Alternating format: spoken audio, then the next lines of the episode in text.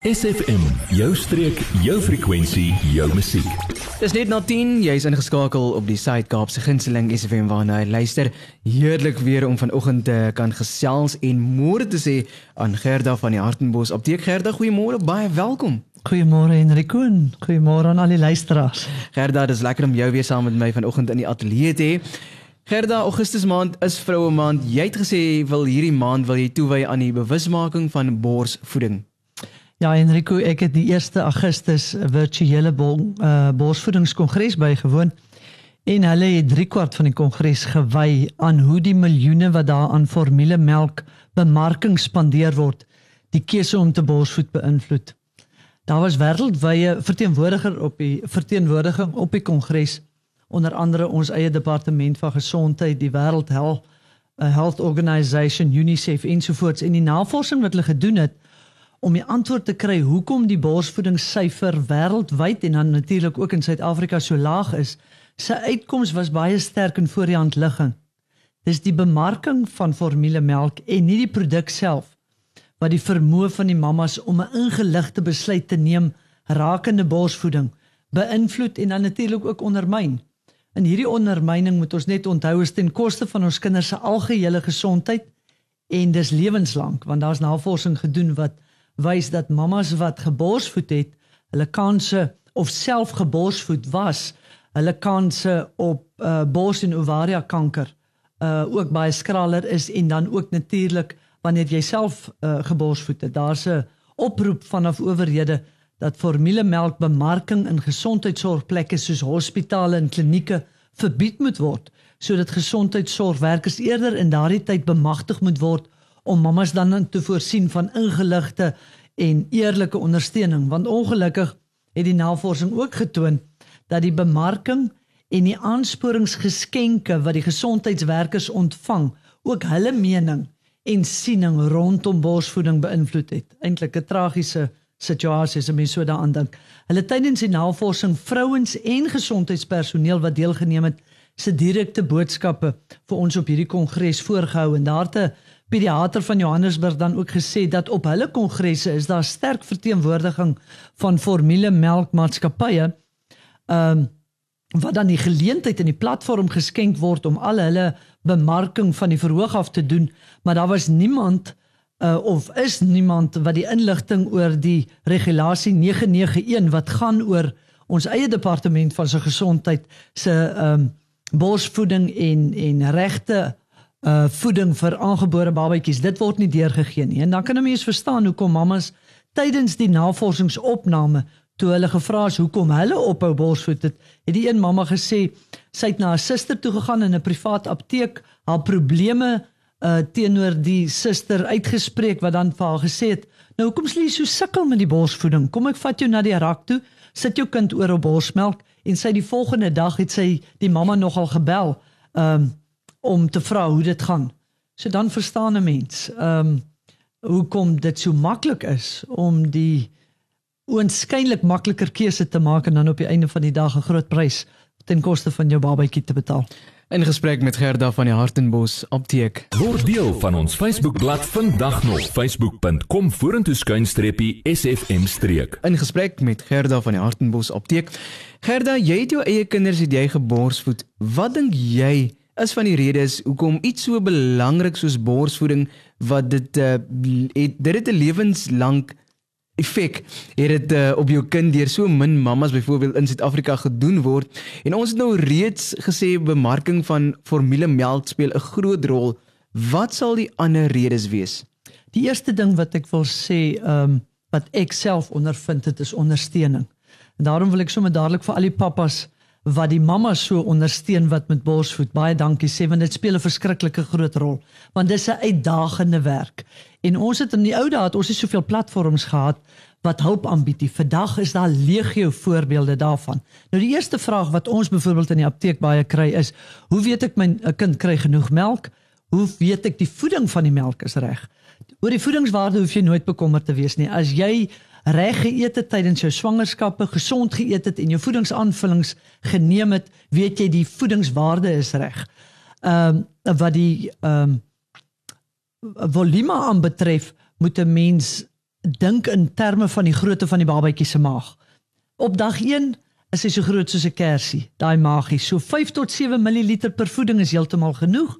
Op 'n maand is die maagie so groot soos 'n eier en is 80 tot 150 ml. Partykeer verwag ons te veel volume melk vir die wat gepaard gaan met die volume van die babatjie se maag. So dis goeie inligting om dit te hê en ons gaan dit ook alles op ons Facebookblad met prentjies vir die luisteraars sit. Dan mamas wat borsvoed baie baie belangrik wat die volume aanbetref dat jy vir elke 10 kg wat jy weeg, sorg dat jy per dag 250 ml water inkry. En let wel, nie koffie en tee met melk en suiker, dit tel nie as water nie. En dan moet jy onthou van die volume melk wat jy elke dag verloor, daai volume water moet nog addisioneel bygesit word. 'n Ander probleem wat ons baie meer te doen kry is latching. Dit beteken hoe die mondjie en die lippies om die mamma se areola ehm um, vasdruk, want dit beïnvloed die vloei van die melk en dit beïnvloed die volume. Nog iets wat die vloei en die volume en die gemaak van die baba en die mamma bepaal of beïnvloed is die posisie waarin die babatjie vasgehou word. En 'n mamma vertel my nou die dag sy het baie groot borste en die areola is baie groot en 'n borsvoedingskonsultant het haar in die hospitaal bekend gestel aan die football position wat ek nooit eers van geweet het dat dit bestaan nie. Nou ons wat nou die naweek rugby gekyk het, dis nou wanneer jy die babatjie met sy koppie na voor en sy lyfie onder jou arm indruk want dan dit help dat die babatjie nie versmoor of sy neusie toegedruk word wanneer hy gevoed word nie. Daar's ook 'n regte en 'n verkeerde manier om die bors die baba te unlatch van die van die uh bors af want dit beïnvloed weer of die bors seer gemaak word tydens borsvoeding. Um en daar's ook nou laserbehandeling wat hulle al in die hospitaal, die fisioterapeute kan vir jou laserbehandeling kom gee en vir jou beraad met al die nodige inligting wat jy nodig het of dit nou die posisie is of dit rondom die latching is. Al daai inligting kan hulle vir jou al in die hospitaal gee. En dan vir die mense wat nie 'n mediese fonds het nie, die staatshospitaal se telefoonnommer is 044 604 6155 en ook 044 604 6285 en daar sal jy altyd 'n suster aan diens kry wat jou kan beraad. In gesprek met Gerda van die Hartenbos Apteek, ons weet Augustus maand is vroue maand en ons gesels vanoggend oor die bewusmaking van borsvoeding. SFM, die kortste roete na jou hart. Dis 'n Woensdagoggend ingeskakel op die Suid-Kaapse gunsteling SWM. Ek kuier saam met Gerda van die Hartenbos Apteek wat vanoggend saam met my in die ateljee kuier. Ons gesels oor die bewusmaking van borsvoeding. Gerda, moet mamas wat borsvoed 'n spesifieke dieet volg en moet hulle sekere goed vermy? En ook 'n laaste vraag, is daar raad vir mamas wat weer terug moet gaan werk toe en dalk aanhou wil borsvoed?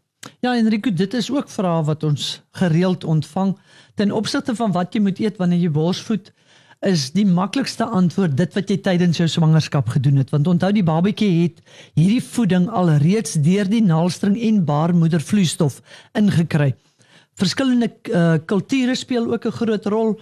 Um, een van die navorsing het gewys dat sekere sterk speserye en kossoorte in Italië afgeraai word tydens borsvoeding terwyl daai selfde sterk uh, speserye en kossoorte in Indië geen effek op die kind se borsvoeding het nie want die mammas en die pas of die ongebore babatjie is gewoond aan hierdie kulturele eetverskille.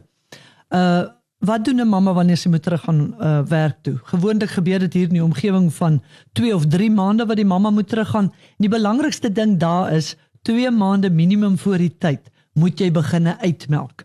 En jy moet jou babatjie begin gewoond maak om melk uit 'n bottel uit te uh, drink. Ek het altyd eers sommer so 2 maande voor die tyd dat ek eerste die kleintjie aan die bors laat drink het en dan die laaste uh, het ek dan nou pr begin probeer met die bottel en is dit verskriklik belangrik dat 'n mens moet onthou dis vreeslik maklik om melk uit 'n bottel uit te kry en baie moeilik en vat baie energie van die babatjie om dit uit die bors uit te kry.